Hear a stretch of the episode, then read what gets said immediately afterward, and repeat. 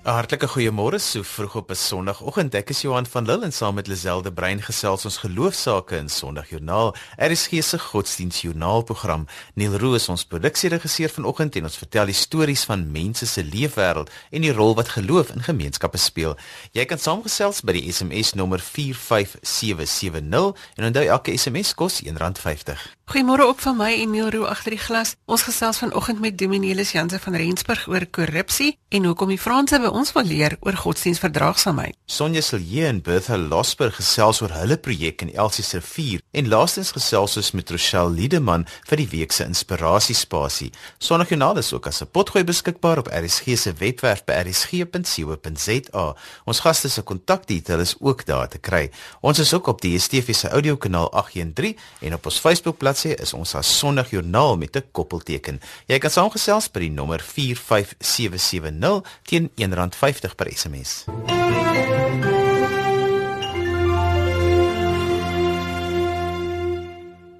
Dominee Janse van Rensburg is voorsitter van die Algemene Sinode van NG Kerk se Moderaam en hy kuier vanoggend by ons in die ateljee. Goeiemôre Nelis. Môre Lisel.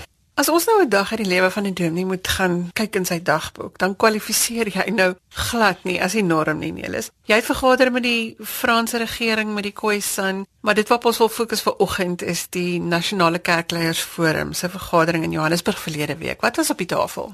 Liselle was basies twee groot goed op die tafel. Die hele Palestynse kwessie is op die tafel van die Nasionale Kerkleiersforum en in die tweede instansie het ons gepraat oor die situasie in ons land, die politieke onsekerheid, die wantroue wat daar is in die land en maniere waarop die kerk uh, 'n rol kan speel om dit aan te spreek. So dit was twee groot sake. Ons het mooi besluit geneem dink ek en ons is op koers om uh, om om regtig kollektief saam 'n pad te loop in Suid-Afrika ook met betrekking tot die situasie hierson. Hoekom is dit nodig dat die kerk praat oor korrupsie? Wel, dis 'n dis 'n gaan oor geregtigheid en die kerk praat altyd oor geregtigheid. Geregtigheid is van die vroegste tye af 'n geloofsaak. Um, ons sien dit mos nou reg deur die Bybel. Hoe in die Ou Testament die profete profeteer en die sterkste moontlike uitsprake maak oor regerings en maghebbers wat mense uitbuit en misbruik en ehm um, hulle mag sodanig aanwend dat daar mense in die proses skade ly en ek wil die hele profeteboek is vol daarvan. Dit is die groot kwessie. Dis waaroor die ballingskap uh, ding ontstaan. En Jesus in sy in sy bediening het geweldige sterk fokus op geregtigheid en dat mense se menswaardigheid gerespekteer moet word. Mense dink dis sommer 'n sekulêre humanisme, maar dit ons volg vir Jesus hierin dat hy erns maak met die wat arm is en die wat op die rand van die samelewing lê en As jy nou kyk na ons regering se optrede op die oomblik, is die mense wat die meeste daaronder ly, waarskynlik diegene wat ehm um, wat swaar kry, wat arm is. Ons het 'n 27,1% werkloosheidssyfer in Suid-Afrika. Die kerk mag nie stil bly hieroor nie. Die kerk moet praat hieroor. Die kerk moet optree. Die kerk moet weerstand bied teen magsmisbruik en en korrupsie en wat ook al. En ons het baie duidelike aanduidings op die oomblik dat alles nie wel is in die regering nie. Um, en daarom het die kerk op hierdie oomblik 'n baie groot verantwoordelikheid. Wat nou so is is dat ons dit saam doen as kerke. Die Suid-Afrikaanse Raad van Kerke is 'n baie baie sterk verband van kerke en in die onlangse jare het uh, die NG Kerk binne die Suid-Afrikaanse Raad van Kerke al sterker rol begin speel. Ons is toegelaat weer tot die Wêreldraad van Kerke En ehm um, die Suid-Afrikaanse Raad van Kerke was baie broos op 'n stadium en hulle het ons terug verwelkom uh, met absolute oop arms en ons loop saam met die vriende en kollegas medegelowiges in die ISRK nou op baie belangrike pad. Die verset binne die kerkgeleedere ehm um, is 'n geweldige sterk verset. Dit is nie meer 'n ehm um, subagenda nie. Dit is die agenda. Dit is groot op die agenda van die Suid-Afrikaanse Raad van Kerke om ehm um, die regering aan te spreek uh, met betrekking tot 'n hele aantal kwessies. En ons is uitgesproke daaroor. Ons is nie ehm um, besig met voet voetwerk nie. Die SARK is baie sterk uitgesproke. Die SARK verteenwoordig baie miljoene lidmate um, in die in die um, land. Ons het ook ehm, 'n um, soort van assosiaat lidmaatskap die ZCC wat miljoene lidmate het is betrokke sodat die stem van die kerk ding ons op hierdie stadium baie belangrik is 'n profetiese stem My vraag is, ons het nou gesien ons gaan nou 'n paar geloofsgetuienisse hoor van wat gebeur het by It's Time. Ons het gesien dat dit moontlik is om mense te mobiliseer op 'n baie georganiseerde, amper wonderbaarlike wyse kan mens mense bymekaar kry. Gaan dit bly by praat of of wat gaan die Wêreldraad van Kerke nou doen om hulle stem te laat geld? Gaan die regering luister as ons nou net sê hoorie, okay, so ons stem nie met julle saam nie? Nee, nee, die Suid-Afrikaanse Raad van Kerke is maar te bewus daarvan dat die dat die regering ehm um, en by name ons huidige president nie graag luister na die na die kerk en die ISRK stem nie. En dit het 'n lang geskiedenis, maar die die feit bly staan, hy het bepaal hoeveel kerke gekies nou wie jy luister na wie jy ook nie meer luister nie. En uh, ons het by verskeie geleenthede die SARK die presidentsie genader vir gesprek en slegs in enkele gevalle is daar hoegenaamd reageer en positief gereageer op die versoek om te, om te praat. Na die afdanking van die minister van finansies in Desember 2015 wat groot groot chaos veroorsaak het, het ons skielike afspraak gekry En op daai stadium al eintlik voordat die president uh, sy amp aanvaar het, het die SARK al um, in soveel woorde gevra dat hy baie ernstig moet oorweeg om nie die amp te aanvaar nie vanweë al die omstredenheid rondom sy persoon en die gebrek aan vertroue wat daar is in hom as persoon. Na die afdanking nou van uh, minister Gordhan het ons net besef, jy weet, die die president en diegene wat hom advies gee, die wat saam met hom besluit, ignoreer grootliks die stem van die Suid-Afrikaanse Raad van Kerke. En daarom moet ons kyk na nuwe maniere om om te proteseer. Daarom ons ondersteun ook alle gebedsaamtrekke, die mobilisering van mense, die protes van mense, die openbare protes van mense. Ons ondersteun dit ten volle as Raad van Kerke en ons sal meer en meer deelneem aan aan sodanige protes, ehm um, veldtogte. Uh, of die uh, byeenkoms uh, van Saterdag nou uit uit 'n protes byeenkoms was, daaroor sou mense ook kan kan redeneer. Dit was 'n gebedsbyeenkoms. Ehm um, maar die die werklikheid is dat daar ook meer aggressiewe en ek bedoel nie aggressief in terme van van uh, geweld nie, maar terblyklike weerstand uh, protes uh, poging sal wees in die toekoms.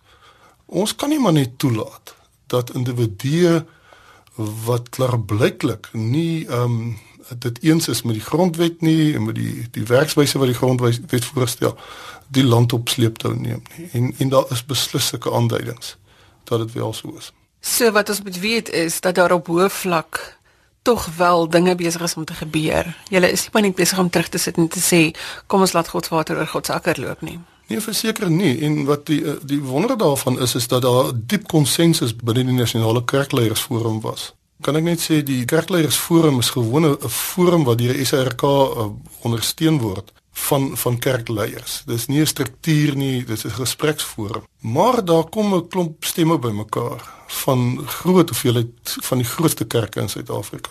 En uh, daai stemme is dringend op hierdie stadium. En daar's 'n diep konsensus van weerstand teen wat ons op die oomblik beleef in Suid-Afrika met betrekking tot leierskap. En en dit gaan ook oor operasionalisering van bepaalde beleidsgoed in die staat. Die wyse waarop daar byvoorbeeld omgegaan is met uh, die uh, pensioen uh, debakel. Ons is diep diep bekommerd daaroor omdat dit die, die lewens van mense wat regtig arm is en op die rande van die samelewing leef absoluut direk geraak het en en en steeds raak die die onsekerheid daar rondom. Ons is ook bekommerd oor die wyse waarop ons president met die waarheid omgaan. Daar was 3, 4, 5 insidente waar hy openlik die waarheid verdraai het. Dit kalwer weg aan die integriteit van ons land in sy geheel, want die president is 'n verpersoonliking van wie ons is. Hy behoort dit te wees. En gelowiges in hierdie land wil nie getipeer wees as oneerlike mense nie. Wat ons op die oomblik beleef is is daar 'n geweldige hoeveelheid um, welwillendheid ook in ons land weer na vore tree.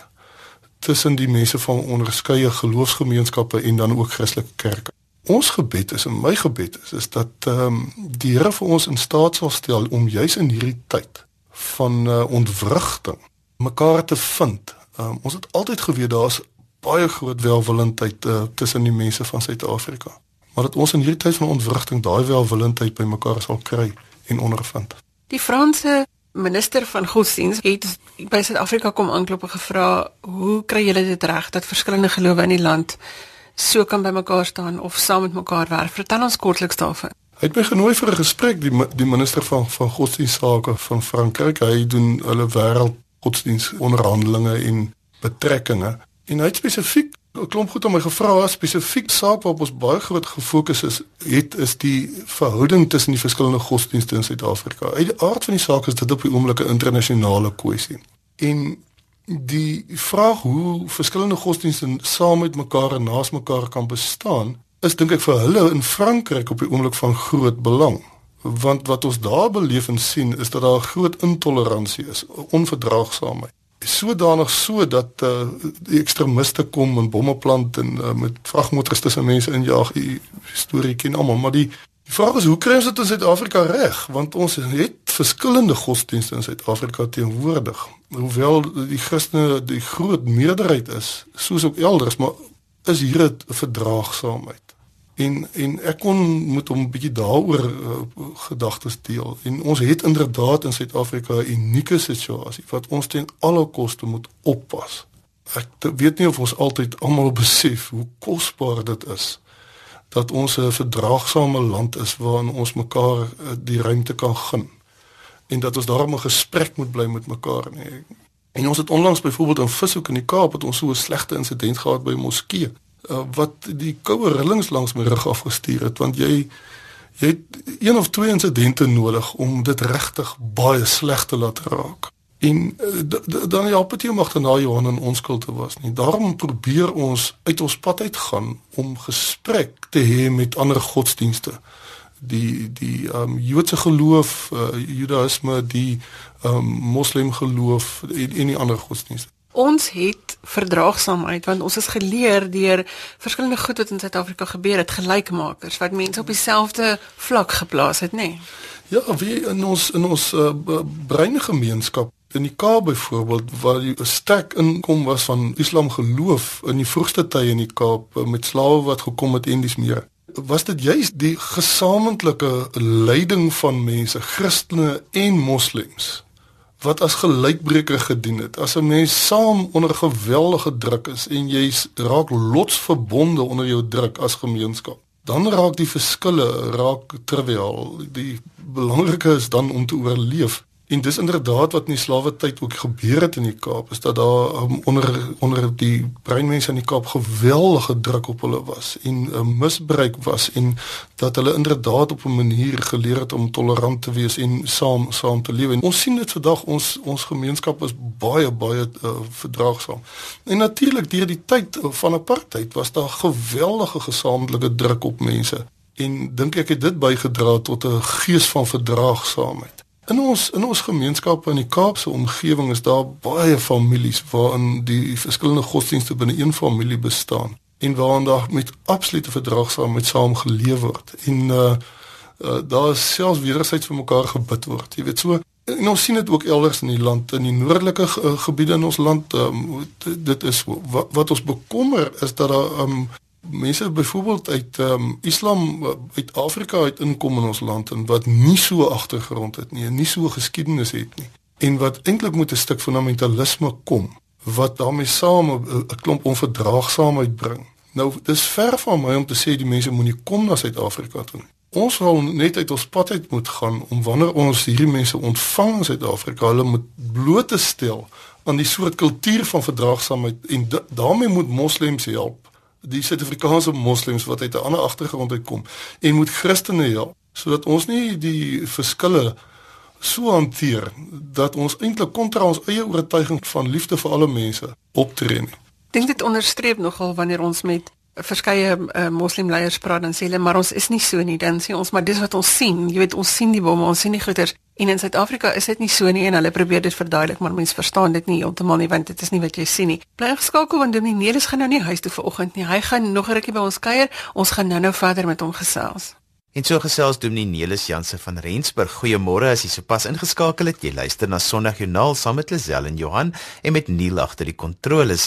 Gemaak gerus 'n draai op RSC se webblad by rsg.co.za vir allerlei interessante inligting oor RSG se programme. Jy sal byvoorbeeld daar kan kry Woensdag aan 10 voor 9 wat jy kan luister na 'n radiodrama met die naam 'n Tweede Kans wat fokus op die onderwerp van fetale alkoholsindroom. Jy kan ook gaan aansluit by ons sosiale media bladsy op Facebook Like die bladsy en al ons programinligting is ook daar gelaai. Ons het 'n paar jaar gelede 'n onderhoud gedoen met William Young wat 'n Shack geskryf het. Hy het toe vertel dat dit nooit veronderstel was om 'n boek te wees wat deur die massa gelees kan word nie. Hy het hierdie storie vir sy kinders geskryf om God te verstaan. Maar nietemin, die boek is 'n reuse sukses en dit was 'n beste verkoper geweest en die fliek het pas hier in Suid-Afrika verskyn. Dis die storie van Mackenzie en sy gesin wat na hulle jongste dogter se wrede moord moet sin maak uit die lewe. En in die proses ontmoet Mackenzie dan drie vreemdelinge wat hom bystaan na 'n ongeluk. Nou ek wil nou nie die hele storie weggee nie, maar ek wil tog aanbeveel dit is beslis 'n kyk werd. Gaan kyk te Shack, dit is nou oral op die speelvlak. Hier by ons in die ateljee het ons twee vroue wat glo dat ons ligbakens in die gemeenskap moet wees. Sonja Siljeus van die Sonstraal gemeente in Durbanville en Bertha Losper is van die Eureka Lutherse gemeente in Elsies Rivier. Môre Sonja. Môre. Môre Bertha. Môre. Sonja, jy het 'n baie interessante projek wat Maas bemagtig. Maar kan ons by die begin begin? Hoe het jy en Bertha begin saamwerk? Ons gemeente Sonstraal en hulle gemeente in Elsies Rivier kom nou al vir 10 jaar saam wat ons maandeliks elke derde Dinsdag bymekaar kom. En so het ons begin verhoudinge bou. Ons het na mekaar begin luister. Ons kyk deur mekaar se oë. Ons praat oor gemeenskaplike geloofskwessies. Ons praat oor wat in hulle gemeenskappe gebeur, wat in ons gemeenskappe gebeur. En so leer mens mekaar lief hê. En altyd mos as liefde begin praat, dan begin mense hande en voete ook loop en doen. En dit is maar hoe ons by mekaar uitgekom het. Bertha, jy leef binne in hierdie gemeenskap waar jy mense bemagtig, maas bemagtig om vir hulle kinders te help om verskil te maak in hulle kinders se lewe. Hoe doen julle dit? Ek en Sonja het begin met die ehm um, trauma oefeninge vir opvoeders eers.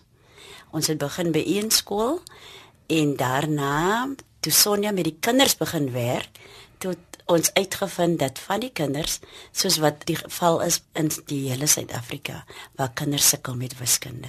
En so, so Sonja met die kinders gewerk het, het ons uitgevind dat die kinders het 'n verskriklike agterstand.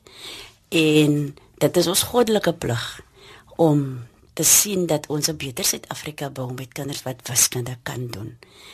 En die gedagte het daar ontstaan dat ons wil met mamas werk wat nie werk het nie, wat werkloos is en wie kinders in die skool het en met hulle werk om hulle te bemagtig om te help met die wiskunde in die skole. En so het dit gekom dat ons by een spesifieke skool begin het met omtrent 8 ouers Ons het met hulle gewerk vir omtrent 6 weke voordat ons begin het met die onttrekking van die kinders uit die klasse uit. Sonne vertel vir ons hoe werk dit? So julle vat mamas in julle bemagtig hulle eerstens om te kan wiskunde doen. Ons leer vir hulle basiese wiskunde. Eintlik leer ons vir hulle hoe speel mense op 'n getallelyn. Hmm. Om dit in die middag om hulle kinders te gaan doen. Maar ons probeer om so goed te leer dat hulle ook die gemiddelde kind in graad 3 kry hulle in individueel sien hulle die kinders een keer 'n week vir 45 minute en dan doen hulle basiese wiskunde lesse met die kinders.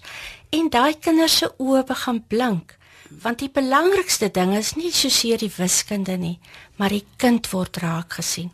Skielik is die kind nie een van 40 of 50 of 60 wat daar in party klasse is nie. Dis hy en 'n maatjie alleen by iemand en hulle word raak gesien. Daar word sag met hulle gepraat en mooi met hulle gepraat.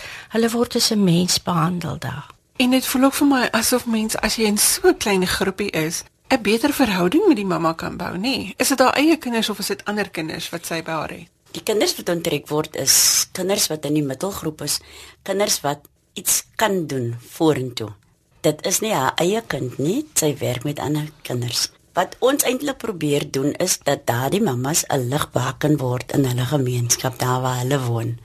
So sy sy werk met daai die vier kinders, ons onttrek 2, 2. Dan werk hulle op one on one en dit is so wonderlik om te sien hoe die kind die mamma in sy vertroue begin neem die mooiste ding wat ek een oggend gehoor het was toe 'n kind vir 'n mamma sê, "Only now I understand." Dit wys dat hy 1 on 1 tot 1 waar hulle mekaar in die oë kan kyk, dat beteken soveel baie vir die kind want in 'n klas van 40 verdwyn hy. Die juffrou is so besig en sy konsentreer meestal op die mannetjies wat swak is. So daai ouetjie gaan verlore. Maar dit klink vir my asof julle hier veel meer doen as wiskunde. Julle is besig om verhoudings te bou. Julle is besig om in kinders te belê en maar nie net daarin nie. Julle is besig eintlik om in julleself ook te belê, nê, nee, want hier is verskillende netwerke van verhoudings wat wat geskep word. Ja, ek dink is wat Bertha nou sê, ons kyk ook na die hele kind. Dit gaan oor verhoudings wat geskep word en as mens mos in 'n in 'n liefdevolle verhouding met iemand staan, dan leer mens baie makliker. En Bertha was al die jare onderwyseres. Sy weet as 'n onderwyser se hart nie in die klas is nie of sy hart nie by 'n kind is nie, dan leer 'n kind nie. En dit het ek by haar geleer dat jou hart moet klop vir 'n kind. Sonja het 'n baie mooi ding gesê want Bertha is baie beskeie. Het 'n baie mooi ding gesê oor hoe die gemeenskap oopsluit wanneer sy instap. Sê dit gou weer vir ons. As Bertha by 'n skool instap, dan sien mense hier kom iemand wat 40 jaar se integriteit met haar saamdra en dit maak dat laat verhoudinge onmiddellik op 'n positiewe grondslag kan wegspring. Dit maak dit soveel makliker. En ek dink dit is dis juist dit wat ons wil pro probeer bereik ook met die mammas. As hulle in hulle huise is, as hulle kerk toe gaan, as hulle shop toe gaan of watter plek toe ook al, moet mense sien hier is mense wat besig is om 'n verskil te maak in ons land. Nou julle ons praat geloofsaake op hierdie program. Ons fokus nie eintlik op wiskunde en kinders nie, maar ek kan sien dat daar 'n spesiale verhouding tussen julle twee is. Ek wil graag weet hierdie samewerking, hierdie ding wat julle doen, hierdie ligbakens wat julle opstel. Watter invloed het dit op, op jou eie persoonlike geloofslewe? Vir my is dit ek is iemand wat hou van saamwerk. Ek hou van werk. Ek wil nie net sit en dink nie, ek wil iets doen en om met Bertha saam te werk en ook met al die ander mammas moet ek vir jou sê. Mens raak lief vir mekaar. Mens leer deur om deur mekaar se oë te kyk. En onmiddellik as jy deur iemand anders se oë kyk dan weet jy okay hulle kon iets oorleef. Ek sal dit ook oorleef. En saamwerk en saam bid vir goed want ons moet bid vir alles wat ons doen en moet kry want want ons ons is afhanklik van so baie mense en dinge. Maak dit makliker want jy staan nie alleen nie. Bethan vir jou? Lisel ek moet vir jou sê in die omgewing waar ons werk het ek groot geword gebore en getoe.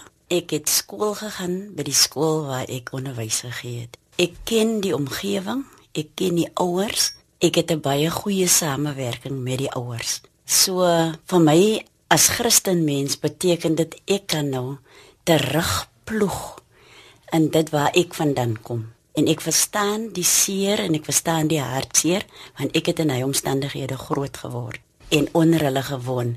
So die ouers vertrou my as met hulle kinders en ek het altyd gesê ek kan waar ry maar as ek in daardie omgewing ry dan voel ek veilig want waar net waar ek ry sal 'n kind skree of 'n ouer sal skree tot in die supermarkte. As ek daar aankom, dan sê hulle altyd, "Juffrou, kom staan by my." En dan kan ek aangaan. So ek glo diep in my hart dat dit wat ek geleer het in my ouerhuis en in my kerk en in my geloofslewe kan ek uitdra teenoor hulle. En so vind ons mekaar. En so kan jy ook 'n ligbaken in die gemeenskap wees. Ja. Dankie julle, dankie dat julle julle storie met ons kom deel het. Dat ons 'n bietjie kon hoor hoe julle voete op julle geloofspad stap en ons wens vir julle voorspoed toe vir die werk wat julle daar doen. Dis ongelooflik dat julle in hierdie mammas inploeg sodat hulle self en hulle kinders kan inploeg. Dankie Sonja, dankie Bertha vir julle saamgesels. Dankie Lisel. Dankie Lisel. En so gesels Sonja Silje en Bertha Losper. Dominielis Jansen van Rensburg kuier vanoggend by ons in die ateljee en ons gesels nou verder met hom oor kerksake. Dominielis Jansen van Rensburg is voorsitter van die Algemene Sinode van die NG Kerk se Moderramen. Ons wil vanoggend 'n bietjie hoor oor landbou. Ons weet dit is oral in die nuus, plaasmoorde, grondhervorming. Hoe praat die kerk daaroor? Dis ja, ons praat al in die kerk van 2012 oor die hele aangeleentheid. Ons is deur verskeie verslae en prosesse van nadenke hieroor dit is sodat ons verstaan dat uh, daar grondhervorming in Suid-Afrika nodig is, maar dit is 'n komplekse uh, saak. Ons het byvoorbeeld groot groot landelike gebiede waar daar kollektiewe besit is wat die staat die eienaar is van grond, soos in KwaZulu-Natal en Transkei en dis meer. En dan is daar uh, groot gebiede in Suid-Afrika wat aan die staat behoort wat ook vir landbou kommersialiseerbaar is.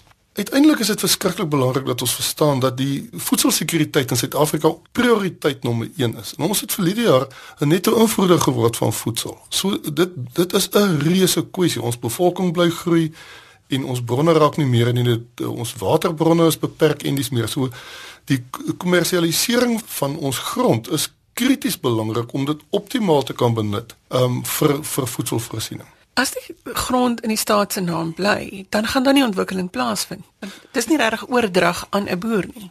Ons het onlangs 'n konferensie gehou oor titelaktes. Uh saam met uh, die Institute for Justice and Reconciliation, Adna Konrad Adenauer Fonds waar ons 'n groot hoeveelheid uh, rolspelers bymekaar gehad het. Ehm um, nie regeringsorganisasies, mense van uh, van staatsdepartemente en dis meer om te praat oor titelaktes. Want as mense nie eienaarskap bekom en 'n titelakte het uh, van grond nie, kan hulle nie leen nie, kan hulle nie en, en jy kan nie kommersieel boer sonder dat jy van vreemde kapitaal gebruik maak nie. En daarvoor het jy sekuriteit nodig en eienaarskap nodig. So As ons regtig 'n lewendige landbouekonomie wil hê in Suid-Afrika wat groei en wat voorsien aan al ons mense, sal ons 'n uitgebreide stelsel moet hê van van eienaarskap en ook swart eienaarskap. Dis krities. Die feit is in 1913 is grond op 'n onregverdige wyse verdeel in terme van waar ons vandag is. Swart mense is grondregte ontsê deur daai wetgewing en dit moet reggestel word. Daar daar is geen twyfel daaroor en ek dink iemand debatteer dit nie. Maar daar is baie goeie maniere om dit te kan doen. Daar's baie grond in die mark. Dis nie asof daar nie grond beskikbaar is nie. Daar's baie grond wat in die staat behoort wat uh herverdeel kan word.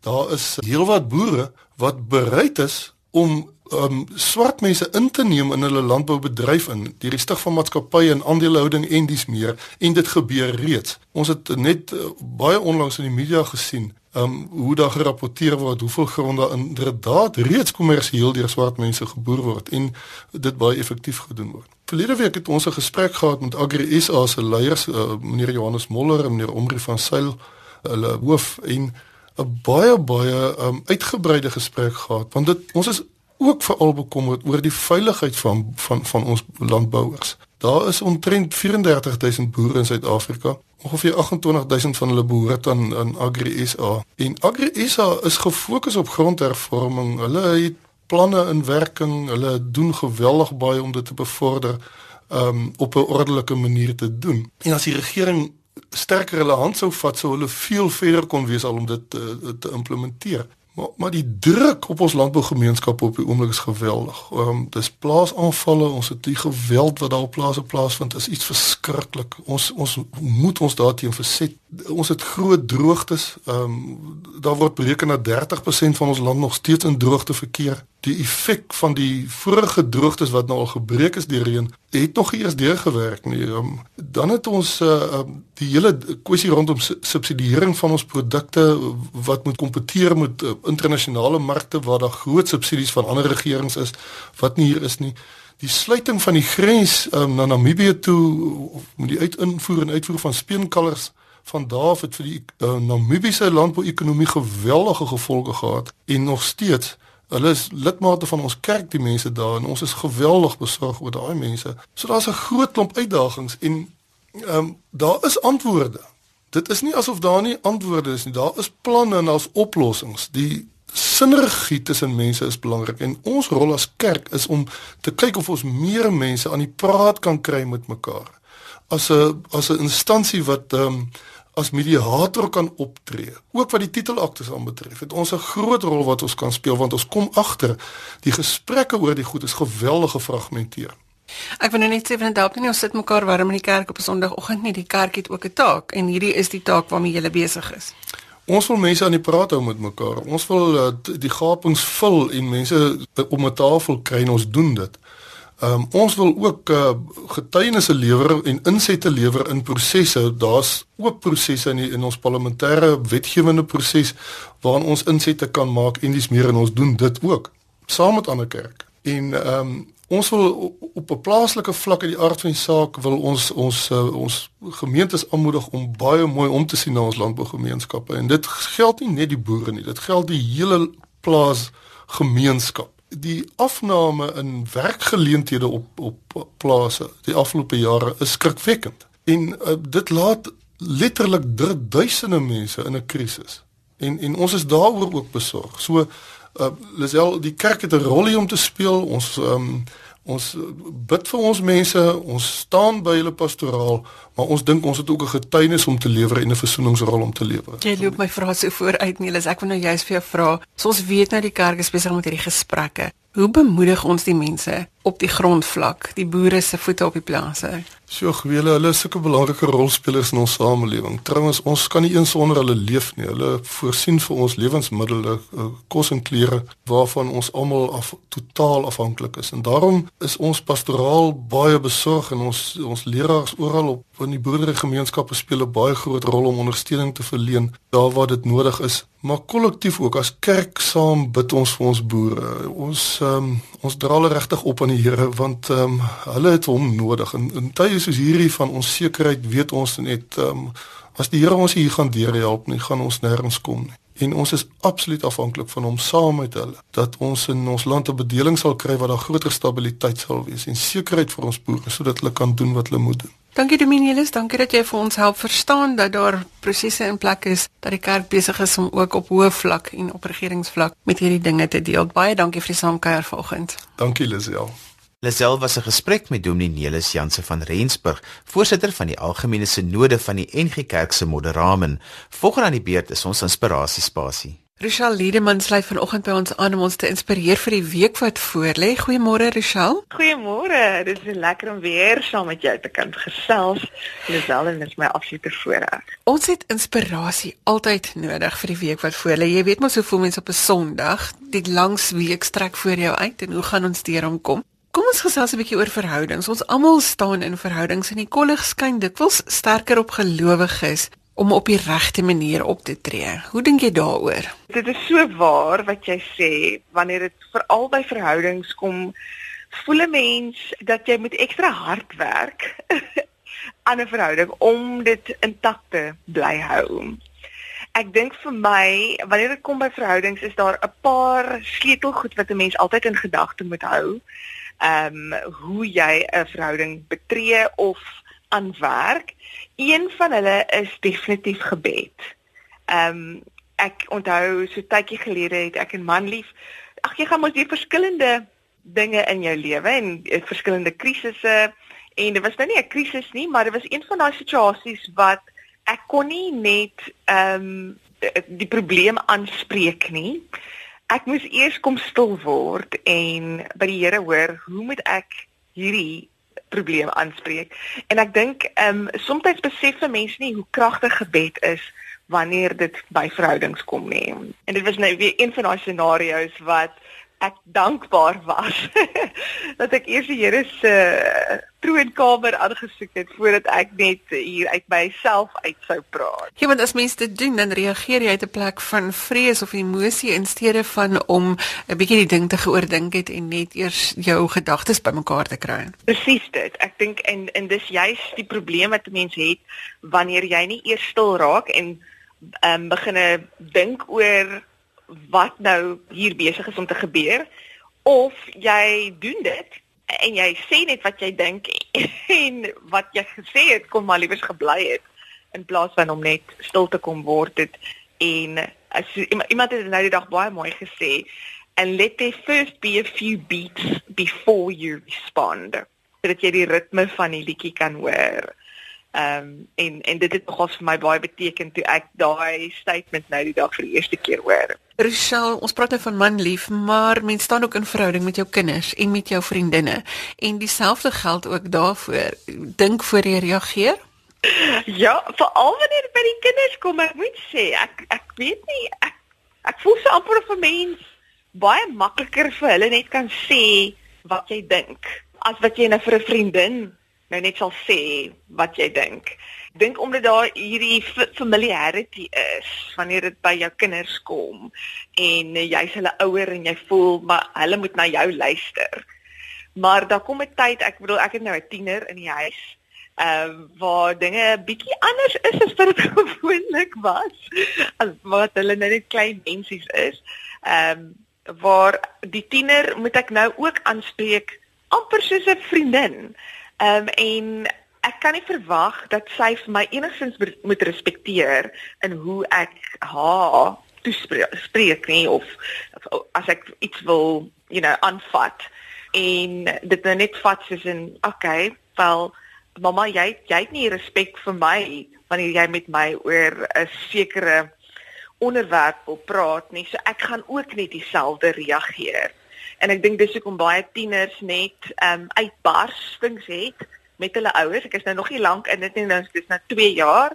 Maar ehm um, ek het nou in die laaste jare het ek besef as ek haar ook respekteer in hoe ek ehm um, onderwerpe of situasies wat ons deurmaak wil aanspreek, dan moet ek ook kom rustig raak en ook sien, okay, wat is die ritme van hierdie liedjie? Hoe gaan ons op hierdie ene wals of gaan ons 'n vinnige dans doen? Ek is bly jy fokus op die woord ritme, want die lewe is mos maar eintlik een groot ritme.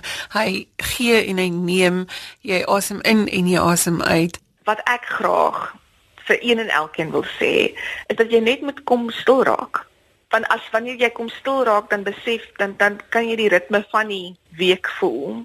Beplanning trek nader jou joernaal. Dis Sondag. Skryf neer beplan vir die week. Wees stil in gebed. Baie dankie Rochelle dat jy uh, so 'n bietjie vir ons inspirasie gegee het vir die week wat voorlê. Baie dankie Lisel. Dit is my altyd 'n voorreg om met jou te kan gesels en net so 'n bietjie van my hart te kan deel. En so gesels Rochelle Liedemin. Ons moet oorgie aan Jermaine M Hansen vir vanoggend se Bybelstorie, maar ek moet net gou herinner aan vanmiddag se kinderstorie. Moenie vergeet om in te skakel vir die avonture van Arrie en Erkie nie. Hulle is 25 oor 6 aan die beurt net hier op RSG 100 tot 104 FM en hulle leer volgens Spreuke hoe om verantwoordelik te lewe. Ek groet tot later vandag wanneer ek weer agter die mikrofoon inskuif vir ons in die onderwys. Hoop jy 'n heerlike en 'n rustige Sondag. Totsiens. Net voordat ek groet weer die e-pos titel as jy 'n kommentaar of 'n geloostorie het, my e-posadres is lazel@wwmedia.co.za of jy kan ook vir ons 'n boodskap stuur deur die webwerf by rsg.co.za. Verlede week het ons detail gegee van die WhatsApp nommer sodat jy inligting kan kry oor die nasionale gebedsinisiatief van Jericho Mure en daardie nommer is 081 716 1203. Ons gesels volgende week 'n bietjie verder daaroor. Die nommer 081 716 1203 is die WhatsApp nommer van verlede week se program om die gebedsinligting te kry van Jericho Mure. Tot volgende week groet ek namens produksieregisseur Neil Roo. Onthou tog om 'n verskil in iemand se lewe te maak. Totsiens.